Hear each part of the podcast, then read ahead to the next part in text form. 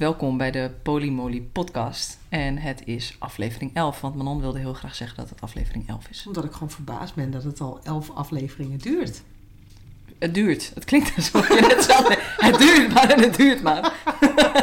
Ja, ik dacht, ik ben er bij één wel vanaf, maar Nee, die het messen- zijn er al elf. Ik die begin het ook wel leuk te vinden nu. Die mes op je keel, die ook erop. Dus vandaag hebben we in ons midden, dat klinkt heel heftig. Eh, vandaag eh, zitten we met Billy.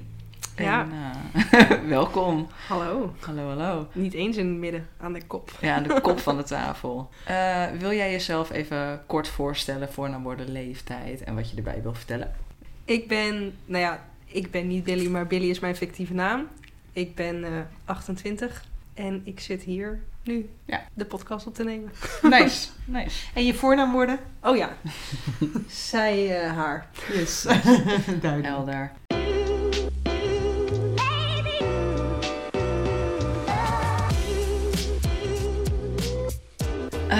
Ja, we hebben jou natuurlijk gevraagd, ook vanwege onze ervaring met Gigi. En eh, Gigi heeft aangegeven dat ze in ieder geval voorlopig eh, niet mee wil doen met de podcast.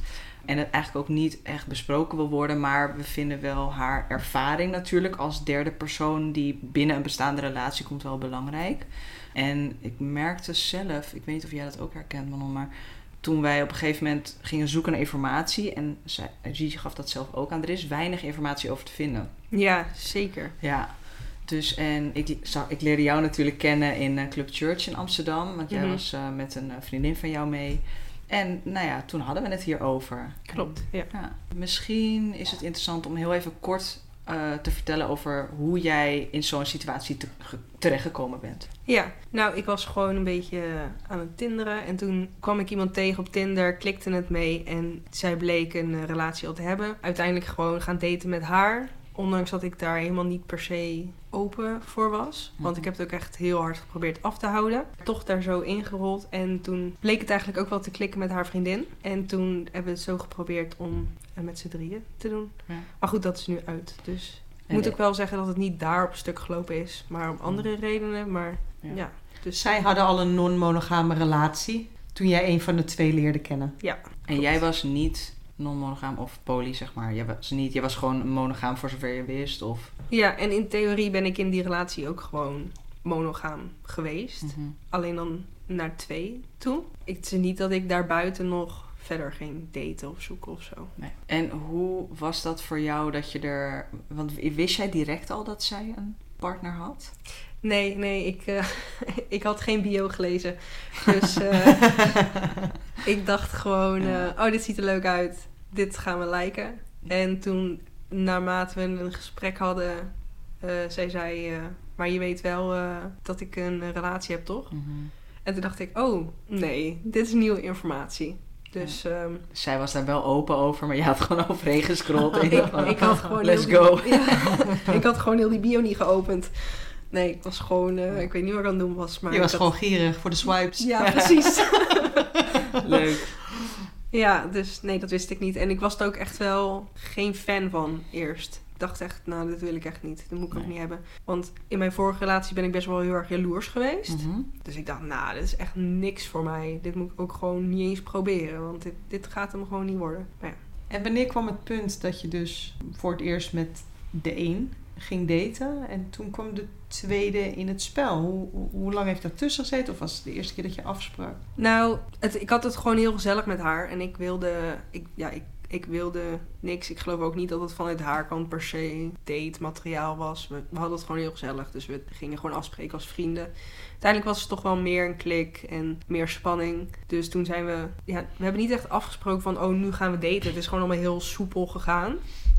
En toen ben ik dus eh, een keer daar gekomen. Want hun woonden wel samen. Een keer daar gekomen en toen vaker daar geweest. En ja, het klikte gewoon. Het ging gewoon allemaal echt heel erg vanzelf. We hebben Ja. wel uitgesproken van... Hè, we gaan kijken met z'n drieën. Maar ook eigenlijk niet echt overlegd. Gewoon gezegd, oh, laten we dit doen. En Ja. geen overleg gehad, helemaal niks. Het is gewoon Het verliep. het liep gewoon zo. Ja. En dat was heel eng, dat het zo makkelijk liep. Maar ja, het was ook wel fijn of zo. Maar ik was wel... eh, Want ik, heel even, want je, je zegt dus van, ja, dit is echt, je had zoiets van, nee, dit is echt niks voor mij in het begin. mhm. Maar je gaat dan uiteindelijk naar hun huis toe en dan eh, voor mijn gevoel gaat dit heel snel. Vervolgens ga je dus wel met z'n drieën daten. Waar zit dat kantelpunt?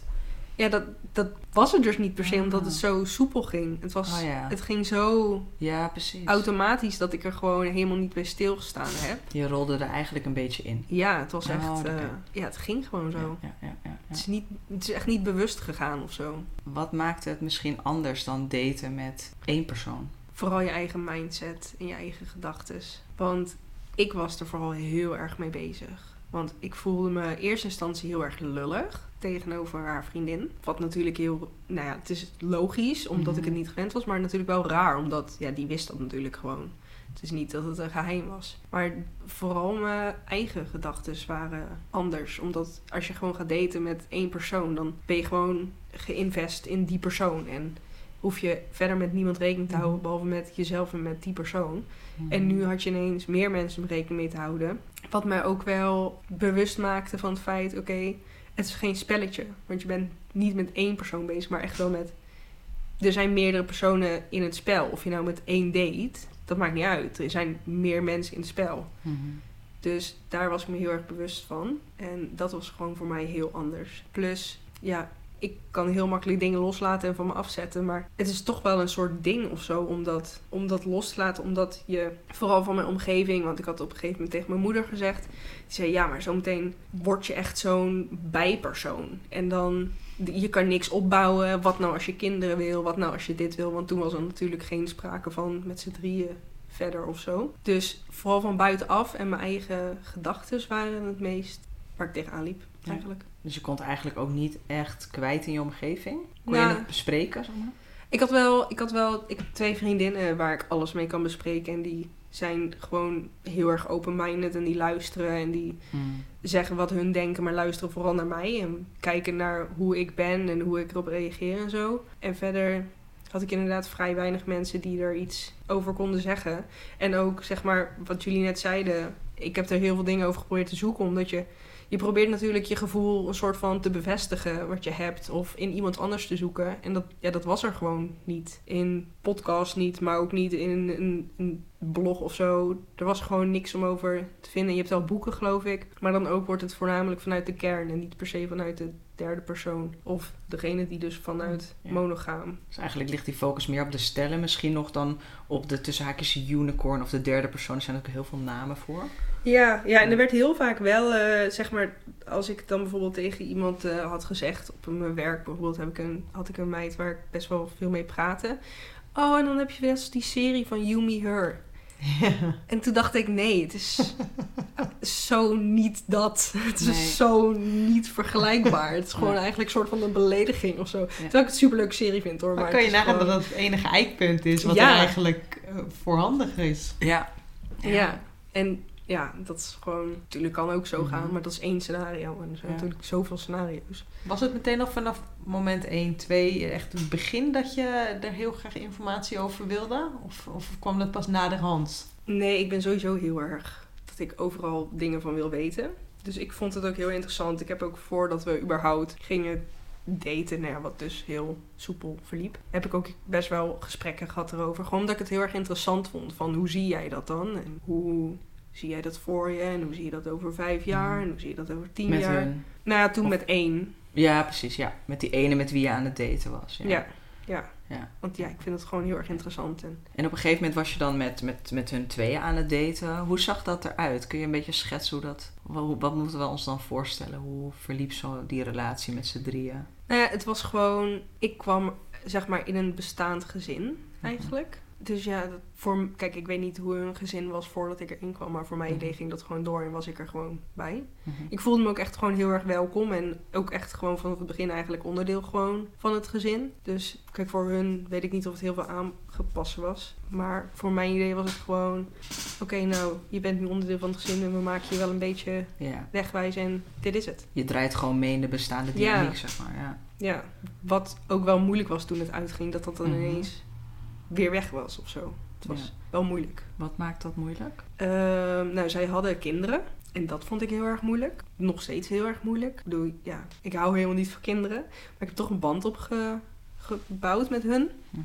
Eh, dat vond ik sowieso heel erg moeilijk. Plus, je komt in iets draaiends. Dus je hoeft zelf niet te bedenken hoe iets gaat doen. Het is gewoon, je wordt gewoon in een soort mal gegoten. En je gaat gewoon mee. En daar draai je een tijdje in. Het heeft niet super lang geduurd, maar ja, je draait wel een tijdje in. En ineens is het klaar. Mhm. En moet je weer je leven oppakken. Ja. En dat was misschien een beetje de fout die ik maakte zelf. Door een soort van mijn leven op stil te zetten. En een ander Helemaal met leven in te eh, gaan. ja. ja. en dat was wel een klap voor mij achteraf. Mhm. Ja. Ja. Ja, want je raakt niet alleen de relatie kwijt, maar dus ook eigenlijk alle gewoontes, alle nieuwe dingen die je hebt geleerd misschien ook wel. Of de, De banden die je hebt opgebouwd Ja. met Ja. kinderen. Nou ja, ik, het voelde gewoon echt alsof ik mijn familie ineens kwijt was. Ja. Ja. Ondanks dat het niet zo lang duurde. Het was wel gewoon Mhm. Hoe lang heeft het geduurd? twee, drie maanden. Oh ja. Ja. Maar de intensiteit was wel echt... Heftig. Ja. en aanwezig, ja.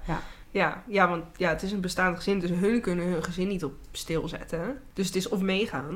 In ieder geval, vanuit mijn oogpunt was het gewoon of meegaan. En ja, je wilt toch uiteindelijk, als je Ja. iemand leuk vindt, zoveel mogelijk tijd doorbrengen. Ja. Dus ga je mee in het gezin. Wat op zich voor mij op dat moment echt voor goed kwam, want ik was echt losgeslagen met feesten en doen. Mhm. En ineens was het helemaal omgedraaid, helemaal meedraaiend In in, het het gareel. gezin. Ja, Ja. het gegeven. Ik had dat echt nodig. En ik heb ook echt heel veel geleerd van mezelf in de hele relatie. En van hun ook vooral. Wat heb je geleerd? Ik heb sowieso mezelf beter leren kennen. Want ja, communicatie is natuurlijk super belangrijk als je in een, nou ja, voor hun al een niet bestaande, niet per se een monogame relatie was. Dus ik werd wel meegetrokken in dat communicatie. En ik dacht, oh, ik ben heel goed in communiceren. En dan moet je gaan communiceren. en dan blijkt dat het toch en niet toen dacht zo. ik, oei, Ja. misschien ik toch niet zo goed in communiceren. Dus nou, daar ben ik me sowieso veel bewuster van geworden. Ook van mezelf, omdat niet eens vanuit het polystukje, maar ehm, hun waren heel ontwikkeld als persoon. Waardoor ik me soms heel erg onderontwikkeld voelde, maar me daar wel een soort van aan optrok. Omdat Hmm. hun waren gewoon heel duidelijk ook van, dit is hoe het is. En je moet daar gewoon mee dealen. En toen dacht ik, ja, ik heb dat wel gaan, waar- ben dat wel gaan waarderen in personen zelf ook. Want het geeft wel gewoon duidelijkheid. Dus ik ben ook duidelijker nu naar mezelf Mhm. en naar anderen daarin. Dus Ja. ik heb er gewoon heel veel van geleerd, vooral naar mezelf toe. En ook ben ik open-mindeder geworden over non-monogamie. Mooi. Helder, ja. Ja. En je zei ehm, dat je dus, je was met hun allebei aan het daten. Op een gegeven moment was het echt een soort driehoeksrelatie. Hè? Dus zij waren met elkaar, jij was met de een en met de ander. Zeg Ja. ik dat goed? Ja, eerst was het zeg maar een soort V natuurlijk. Mhm. Ehm, kijk, uiteindelijk is het altijd wel een beetje een V gebleven. Ja. We waren gewoon heel vaak met z'n drieën. ja. Even voor de luisteraars, een letter V. Dus als in een V-relatie waarbij twee gewoon platonisch zijn en eigenlijk niks met elkaar hebben. Mhm. En, en eigenlijk het, het, ja, hoe zeg je dat? De kern is dan één persoon. Hè? Ja. Die heeft een relatie met beide. Dus letterlijk een letter V. Ja, Klopt. ga ja. verder. Eigenlijk is het altijd wel gewoon zo gebleven. Ik had wel Mm. gewoon meer een eh, ja, relatie, zeg maar, met de een dan met de ander. Mhm. Maar we waren gewoon heel vaak met z'n drieën. En met die ander was ook wel een relatie en niet alleen platonisch, toch? Nee, het was ook wel een relatie, maar kijk, je kan niet met twee personen dezelfde relatie hebben. Dus het was Mm. sowieso anders. Met de een kon ik bijvoorbeeld over veel meer andere Ja. dingen praten. En met de ander Ja. praat ik dan weer wat minder. En ja, je hebt niet dezelfde relatie met allebei natuurlijk. Ja. Was dat oké voor hen dat dat zo ging? Nou, we hebben daar toen op een gegeven moment wel over gehad, omdat het gewoon zo erin gerold was. En dat we toen beseften van, oh, we hebben het hier eigenlijk helemaal niet over gehad, het ging gewoon zo.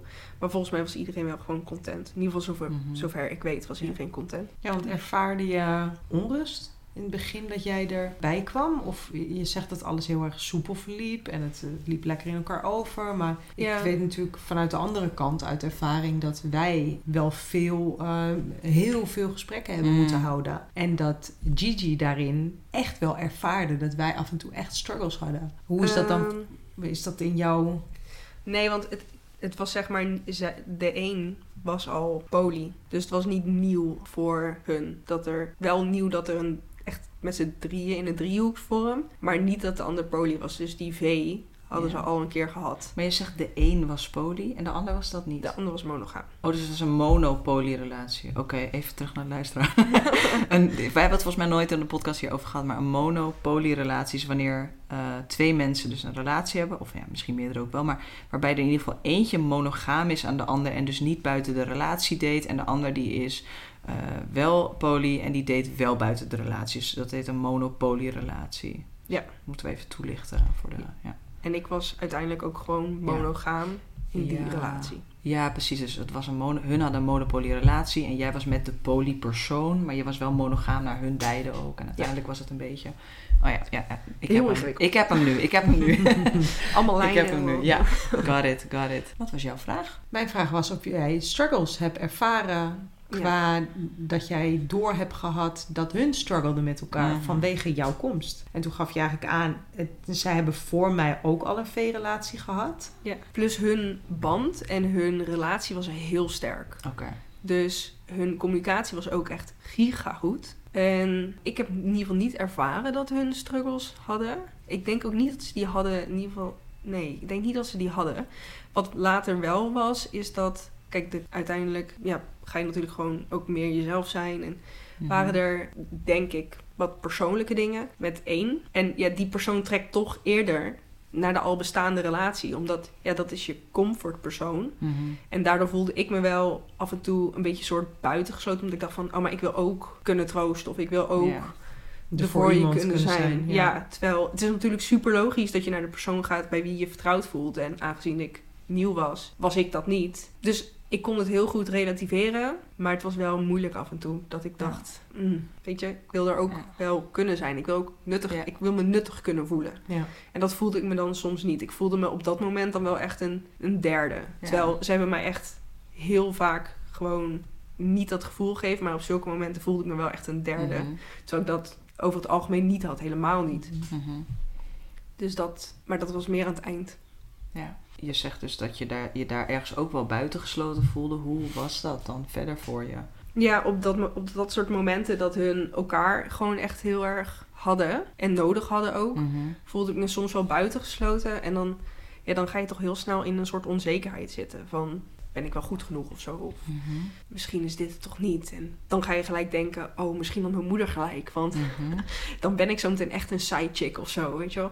Ehm, dat had ik heel snel dan. Maar ja, wat ik zeg, hun waren gewoon wel heel duidelijk in communicatie. En ook gewoon in wat, hoe of wat. Dus Ja. ik voelde me ook wel vrij om zoiets te zeggen. Dus als ik het dan aangaf, dan werd het wel gewoon een soort van uitgelegd en naar geluisterd. Dat gevoel had ik Ja. wel.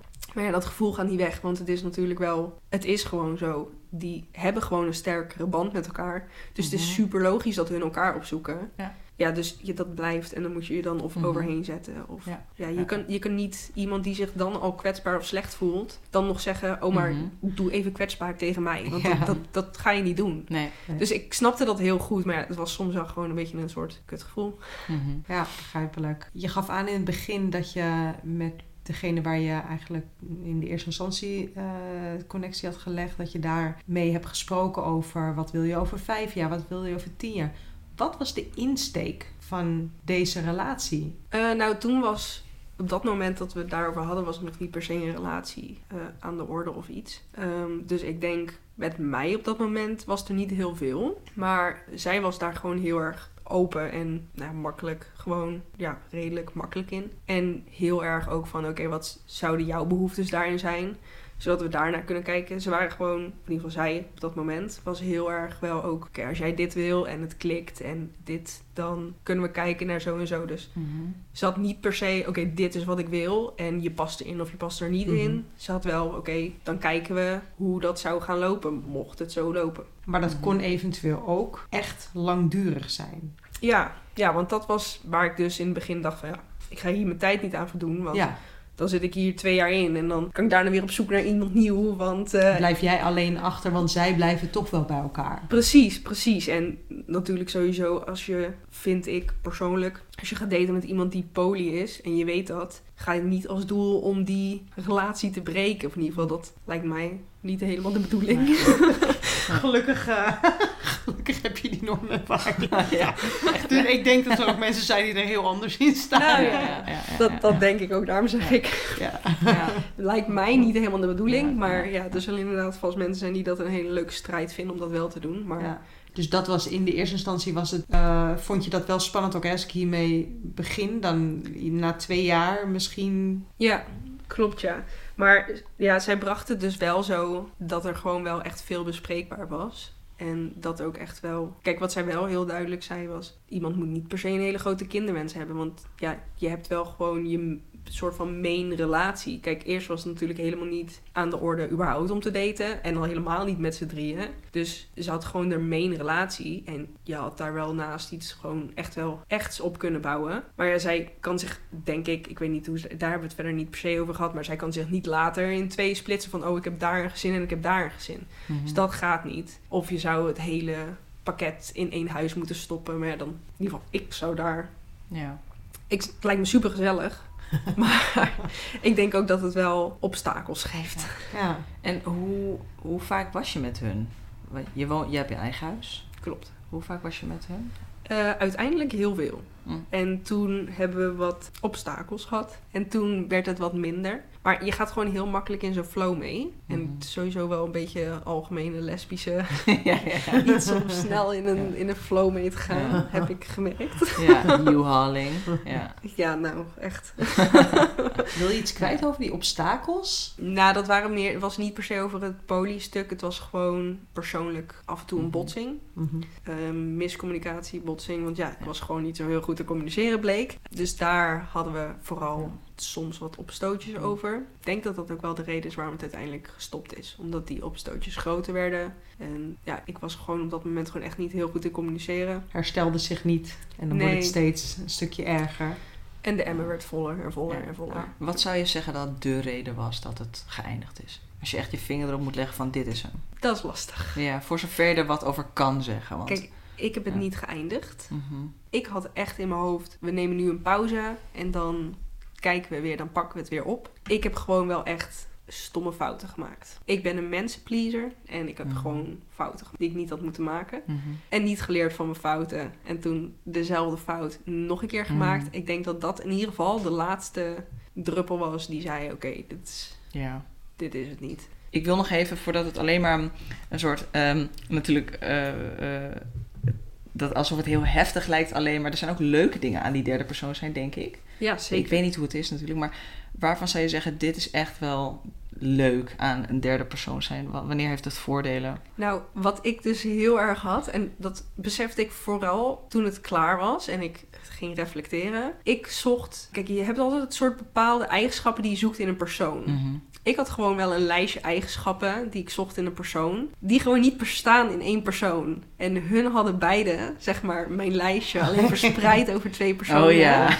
Dus achteraf dacht ik, wauw, dit is gewoon zo makkelijk. Want mijn lijstje met dingen die ik gewoon wil bij een persoon, hoeft niet in één persoon te zitten. Mhm. Het kan ook gewoon in meerdere personen zitten. Plus, er is altijd iemand om mee te praten. Het is altijd gezellig. Behalve als het even niet gezellig is. Maar er is altijd iemand. Ook als je bijvoorbeeld wat tijd voor jezelf wilt.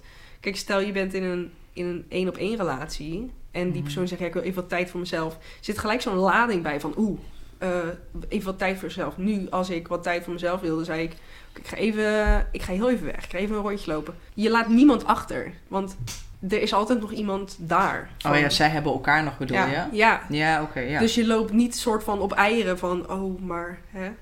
Het is, je kan iemand ook echt de ruimte geven. Ook als je op dat moment zelf als persoon niet per se ruimte wil. Mhm. Nee, geeft niet. er is altijd iemand. Dat vond ik voor, vooral heel fijn. Want ik ben wel een persoon die... Ik ben niet graag alleen. Maar het is ook gewoon... Ik maak me dan heel snel druk dat ik iets fout heb gedaan. Mhm. Dan komt een beetje die people pleaser zo naar boven. Ja. Dan denk ik, oh, ik heb wat fout gedaan. Maar dan, als bijvoorbeeld eentje even wat afstand neemt, kan je met die ander gaan zitten van, goh, hè, jij was er ook. Had ik iets anders kunnen doen? Het is gewoon ook beter communiceren, want er is altijd een Zwitserland. Ja. Dus ook als er, als er een, een issue voorkomt, er is altijd iemand die zeg maar objectief zou moeten kijken. Gebeurde eigenlijk ook altijd wel. Mhm. En dat maakt het wel makkelijker ook. Het is makkelijker om problemen op te lossen, omdat er dus iemand is die dus objectief ernaar kijkt. Van oké, maar jij deed dit, maar jij deed ook dit. En niet, maar jij deed dit en jij deed dit en jij deed dit. Er is nu gewoon iemand die zegt, maar jullie deden het allebei. Ja. En dat was ook gewoon wel fijn. Plus het is gewoon echt gezellig. ja. Er, is altijd, er is altijd wel iemand in ieder geval, ja. Je Leuk. hoeft niet, Zou je het nog een keer aangaan? Ja, ik denk het wel. Ja. Hm. Ik kreeg heel veel, ehm, zeg maar, er zijn gewoon wel een paar mensen in mijn omgeving die het weten. Ik krijg nu dus heel vaak de vraag van, oh, misschien zoeken ze wel een derde erbij, dan kan je daarbij of zo. Oh, je bent gelijk in die positie gezet. Ja, dus ik heb echt, ik denk echt dat ik al drie of vier stellen die dan Oh, voorgeschoteld werden van, hé, hey, maar wil je daar niet bij dan? Oh, hè? ja. Misschien is dit wel, alsof dit nu gewoon is wie ik ben Ja. of zo. Maar vind je dat niet ook lastig dat je soort van bijna als een soort object neer wordt gezet dan? Door de buitenwereld, ja. Ja. Ja, ik vind, ja, soms wel. Het klinkt wel een beetje als, hey, jij, dit is iets wat jij doet, dus ik heb wel Precies. wat voor je. Bijna als een soort jobinterview. Maar dat, dat vind ik eigenlijk hetzelfde als sinds ik uit de kast ben gekomen en je vertelt iemand tegen hetero. Iemand Oh, ja. van, oh, ik ben lesbisch. Oh, ik ken ook Ik iemand ken die een lesbisch. Ik ken een lesbien uit. Enschede. ja, precies. Ja. Zo voelt het een beetje. Dus ik probeer er niet heel hard over Nee. te vallen. Maar soms is het wel vervelend. Zeker als iemand Mhm. echt serieus is van, oh maar hè. Of ehm, Ja. als ze zeggen, oh maar dus nu ben je wel echt van trio's of zo. Dus oh ja. wil je dan nog eens een keer bij ons? Dat had ik Ja. al sinds ik uit de kast kwam, maar nu nog wat meer. Dus dat is soms vervelend, maar ja, ik, ik laat dat altijd maar gewoon een beetje van me afglijden. Mhm, mhm. Maar Heb jij tijdens deze driehoeksverhouding, driehoeksrelatie, heb jij jaloezie ervaren? ehm, nee, Hm. eigenlijk niet. Want daar was ik best wel verbaasd over. Want ik was in mijn vorige relaties op zich wel jaloers. Dat is wat je zei, ja. Ja, dus ik was daar Ja. best wel verbaasd over. Maar ik denk dat dat komt omdat hun gewoon echt, nou wat ik net zei, gewoon heel goed waren in communiceren. En ook gewoon heel duidelijk waren van, nou, dit is hoe het is. Mhm. En ook wel eh, geruststellend daarin. Als er dan iets was. Kijk, naar hun had ik sowieso geen jaloezie. Maar mocht er bijvoorbeeld, want ja, de een was natuurlijk nog steeds wel gewoon poly. En ik heb daar verder niks van meegekregen. Ik geloof niet dat dat op per se heel erg speelde op dat moment. Maar wel gesprek over gehad. En wel over gesproken. En het was Mhm. ook wel geruststellend hoe dat gebracht werd. Dus ik heb geen reden gehad om jaloers te zijn. eh, omdat het gewoon allemaal heel duidelijk was. En ik denk dat jaloezie toch ook wel komt vanuit een stukje onduidelijkheid en geen controle hebben. En ze waren gewoon heel Mhm. duidelijk. En dat was gewoon heel fijn. Ik vind het wel knap dat je met... eh, je, en je begint vanuit, oh, ik ben monogaam. Oh, misschien toch niet. Dus je, gaat, je bent wel helemaal nieuw in de polyamorie eigenlijk. Ook al was je monogaam in die setting. Ja. Het is wel, je bent wel ineens met twee personen. Dan ben je, nou ja, dat wilde ik zeggen. Dan ben je ook nog eens met twee personen. Maar dat is wel een hele switch. En om dan niet jaloers te zijn, vind ik wel, vind ik wel knap gewoon. Nou ja, buiten dat, één van die twee is ook nog poly. Ja, dat ook. Maar ja, daar Dus dan- heb je niks van meegekregen. Dus dat, dat is misschien ook. Nou ja, we hebben er wel gesprekken over gehad. Hmm. Maar nee. De, het enige moment dat ik me kan herinneren dat ik wel gewoon niet per se jaloers was, maar wel zoiets had van, hmm, ik weet niet hoe ik me hierbij voel, Mhm. was gewoon op het moment dat ik niet lekker in mijn vel zat. Mm. En dat ik dus Mhm. ging twijfelen aan mezelf. Ja. En verder hebben hun mij heel erg Ja. zelfverzekerd gemaakt. Ja. Ook, zeg maar, Ja. met hoe hun deden naar mij toe. Ja. En gewoon, het was gewoon een hele volwassen relatie. Waardoor er hoefde geen Mhm. jaloezie te zijn. Ik heb dat in ieder geval zo ervaren. En dat Mhm. vond ik heel fijn. Want Ja. nu, in mijn verdere leven, Ja. heb ik ook wel gewoon heel duidelijk gecommuniceerd naar mensen van... hey, als je jaloers bent, zeg het me.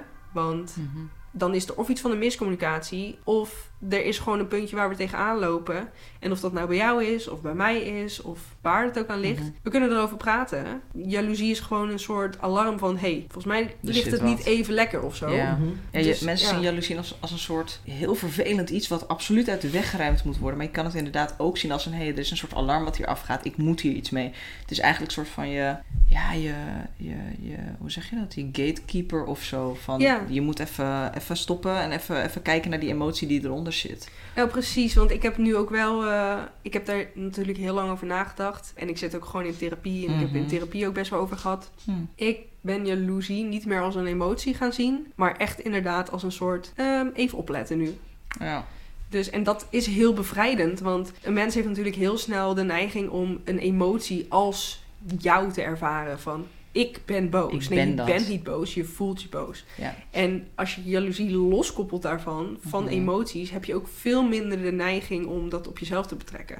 Dus Ja. kan je het ook gaan zien als een soort alarm. Mooi. Zeker. Die laten we even indalen. Even een minuut stilte.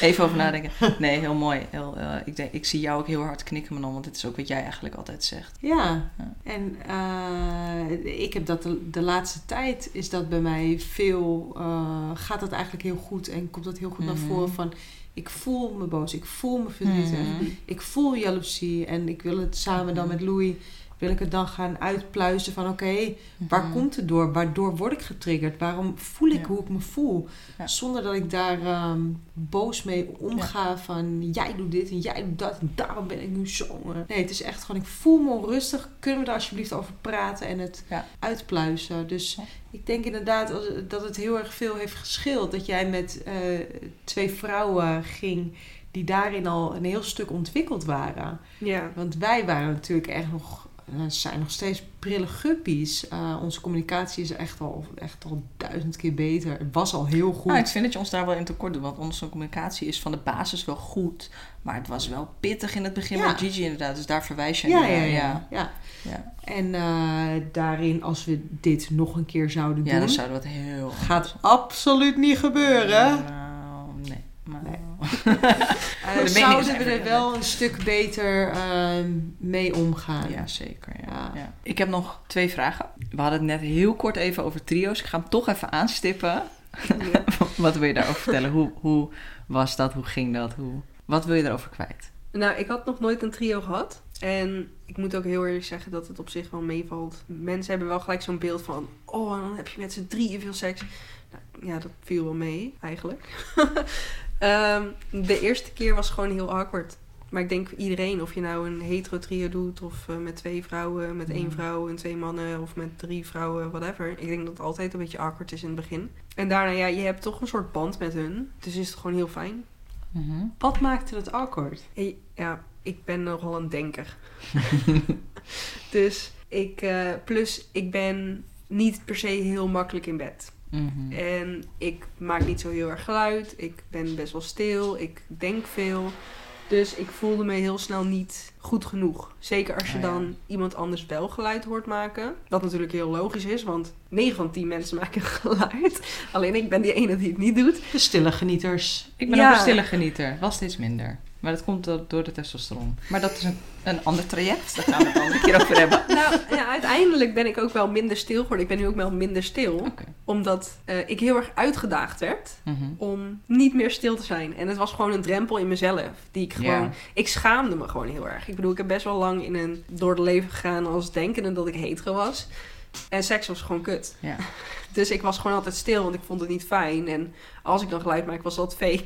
Dus je bent ook op dat vlak eigenlijk best wel gegroeid. ja, ik ben, ja, ik, ja, ik vond het eerst heel erg dat het over was. Maar ik ben nu gewoon super dankbaar dat het Mhm. gebeurd is. Dat ik hier deel uit heb mogen maken. En Ja. ik mis eh, de personen als personen wel Mhm. nog steeds. Want ik vond het gewoon een hele fijne persoon om mee om te gaan. En ik heb gewoon heel veel van ze geleerd. En ik heb gewoon heel veel aan ze gehad. En dat is toch altijd een beetje vervelend of zo om dan die persoon te missen. Plus, ik mis die kinderen gewoon heel erg. Maar verder ben ik heel erg dankbaar eigenlijk. Eh, dus, wat Mhm. was de vraag? Ben zo dankbaar. Zo dankbaar. ja, ik, ik helemaal in mijn avondroutine. Ik ben dankbaar voor Ehm, nou ja, ik, ik denk dat je de vraag eh, al eigenlijk helemaal beantwoord hebt. Wat ik me nog afvroeg is... ehm, je vertelde natuurlijk aan het begin van... dit zijn twee mensen die best wel heel erg op elkaar ingespeeld zijn. Wat Mhm. merkte je daarvan in de slaapkamer? Of op de keuken of op de waar je deed. Maar wat, wat merkte je daarvan? Eh, ja, niks. En niks is niet negatief wat ik nu ga zeggen. Mhm. Niks, zeg maar. Maar nee, in alles. In communicatie, in omgang, in Mhm. dingen doen, in dingen bespreken. Ook gewoon belangrijke dingen bespreken. Mhm. Maar ook tijdens seks. Ik voelde me nooit erbuiten. Nooit. Nee. En ook met seks was ik, ik voelde me nooit erbuiten. Behalve dat ik gewoon zelf heel moeilijk ben. Dus dat het voor hun natuurlijk ook gewoon zoekende was van... Mhm. Hmm, hoe gaan we met haar om? Maar ja, dat is voor mij zelf ook nog zoekende. Hmm. Verder heb ik niet het gevoel gehad alsof ik eh, er niet bij hoorde. Heb je wel eens geïntimideerd gevoeld... doordat zij elkaar zo goed kennen als seksueel? Ehm, niet geïntimideerd. Ik voelde me soms wel wat onzeker. Mhm. Maar dat was eigenlijk alleen de eerste keer. Het is een beetje zoals dat je dat in een monogame relatie ook zou hebben van oh, het is even nieuw en het is even zoeken of zo bijvoorbeeld. Ja, ik heb ook nooit een soort competitie gevoeld of zo. Mhm. Ik ben wel eens met, eh, natuurlijk, wij hebben best wel veel trio's gehad met Gigi. Ik ben soms wel eens de middelste persoon geweest. Mhm. En wat ik echt vond, is dat al die handen, je kan het niet volgen. Je denkt gewoon, jezus, en een soort van overprikkeling. Her- Herken je dat? Nee, eigenlijk Nee, niet. dat kan. Per se. Nee, eigenlijk niet. Nee. Jij? Nee, ik had daar ook niet zoveel last van. Terwijl jij en Gigi wel eens... dat, eh, eh, Gigi had daar ook wel eens last Ja. van. Stop. eh, Jezus. Dit is even een, eh, een error. Sensory overload Ja. eigenlijk. Ja. Waar, waar word ik allemaal aangeraakt? What the fuck? Waar moet ik me op focussen? Ik word daar gelikt. Ik heb, daar heb ik een, een kut in mijn gezicht. Ik heb, ik heb daar een vinger in mijn kont. Wat gebeurt hier? Heel allemaal? erg plat. Ja, maar zo is het wel. Dat je echt, ik weet gewoon niet meer waar ik moet focussen. Manon zit echt nee te schudden. What the fuck zeg je allemaal? Zo raar ben Ja. je. Maar goed, anyway. Ehm, en eigenlijk mijn laatste vraag is... ehm, wat zou je zeggen tegen iemand die ook die derde persoon staat... op het punt staat te zijn of die in die situatie is? Wat zou je echt mee willen geven? Ja, een beetje afhankelijk of die relatie al lang bestaat of niet. Mhm. Maar als het gewoon al een langere bestaande relatie is, volg eerst. Zeker als je het niet gewend bent, Mhm. volg eerst. Want je wil niet iets kapot maken wat al bestaat. Ik had heel veel respect naar haar vriendin toe. Mhm. Gewoon alleen al om het feit dat zij haar partner, ja, dat klinkt echt heel stom, maar poly liet zijn. Mhm. Ik bedoel, als jij monogaam bent en jouw partner is poly, fucking veel respect dat je daarmee om kan gaan. Op dat punt nu denk ik, ah, ik weet niet of ik daar nu mee om kan gaan. Ik denk- dat ik daar nog steeds niet mee om zou kunnen gaan. Ik denk nog steeds dat ik dat moeilijk zou vinden. Tenzij ik natuurlijk zelf ook dan in een soort poly-situatie zou zitten. Dat je het gewoon samen deelt. Maar als de een monogaam is en de ander poly, ja, respect dat je dat kan. En ik denk gewoon dat je die relatie moet respecteren als je een derde bent. Want niemand gaat gelukkig worden als je die relatie niet respecteert. Hm. En dan gewoon kijken hoe het gaat. En ook natuurlijk jezelf niet vergeten. En jezelf ook blijven respecteren. Mhm. Mooi. Dat denk ik. Nice, nice, nice. Heb je nog vragen? Nee, wat vergeten? nee. Het klinkt alsof je een, eh, een mooie tijd hebt gehad. Tuurlijk zijn er ook wel struggeltjes. Maar het klinkt wel alsof, alsof zij dusdanig goed ontwikkeld waren met z'n tweeën. Dat je er lekker in mee kon gaan. Ja. En dat ze ook eh, veel ondersteuning aan het hele proces konden bieden. Omdat Ja. zij al ervaren erin waren. En dat je jezelf heel goed hebt kunnen ontwikkelen. Waarin Ja. je dacht, ik kan al goed communiceren. Dat je eigenlijk nou ja, een beetje van de koude kermis thuis kwam. Ja. En dat je daardoor wel, eh, waarschijnlijk nu wel heel goed kan communiceren. Nou, in ieder geval een stuk beter, ja. Kijk, ik word altijd vast in de toekomst nog een keer op de proef gesteld of ik het kan. maar voor mijn idee kan ik in ieder geval een stuk beter communiceren. Plus, ik heb gewoon echt mezelf beter leren kennen. En behalve van de relatie waar ik veel van geleerd heb, heb ik ook van hun als individu heel veel geleerd. Ja. Omdat hun gewoon hele andere personen waren dan ik. Ja. Plus meer ontwikkeld waren dan ik. Ik ben daar gewoon heel blij mee. We gaan lekker afronden. We Lekker. gaan naar de afronding toe. Eh, ik wil je echt heel erg bedanken dat je hier wilde zijn. Ja, bedankt dat ik hier mocht eh, zijn. Ja, echt super fijn. Super fijn, super fijn om het ook. We hebben natuurlijk wel met Gigi hebben we gesprekken gehouden, maar nu is het, ja, is het weer, wordt het weer heel anders belicht ook. Ja, Ja. en vanuit een andere persoon, maar toch wel Ja. heel veel herkenbare dingen ook. Dus dat Ja. is wel, eh, wel mooi. Eh, Super bedankt. En dan eh, tegen de tijd dat je dit luistert, zitten Manon en ik in Bali. Ja, Jaloers. ja, ja, 27 april tot 22 mei zitten wij gewoon lekker in Bali. En hebben wij dit opgenomen op eh, 13 april. Helemaal zin in. Dus het kan eh, daarna nog even duren voordat je weer een podcast eh, tegenkomt van ons. Maar eh, zodra we terug zijn, gaan we er zeker weer verder mee. Eh, bedankt voor het luisteren in ieder geval. Eh, heel af en toe zetten wij ook een poll of een vraag onder deze aflevering. Kijk daar ook vooral naar. En eh, als we het hebben gehad over boeken bijvoorbeeld in de vorige aflevering... of eh, ja, bepaalde vragenlijsten, dan zetten we dat in de beschrijving. Dus daar kun je vaak heel veel informatie vinden. Eh, like en volg ons natuurlijk om op de hoogte te blijven. En bedankt voor het luisteren. Volg ons op Instagram. Doei! Doei!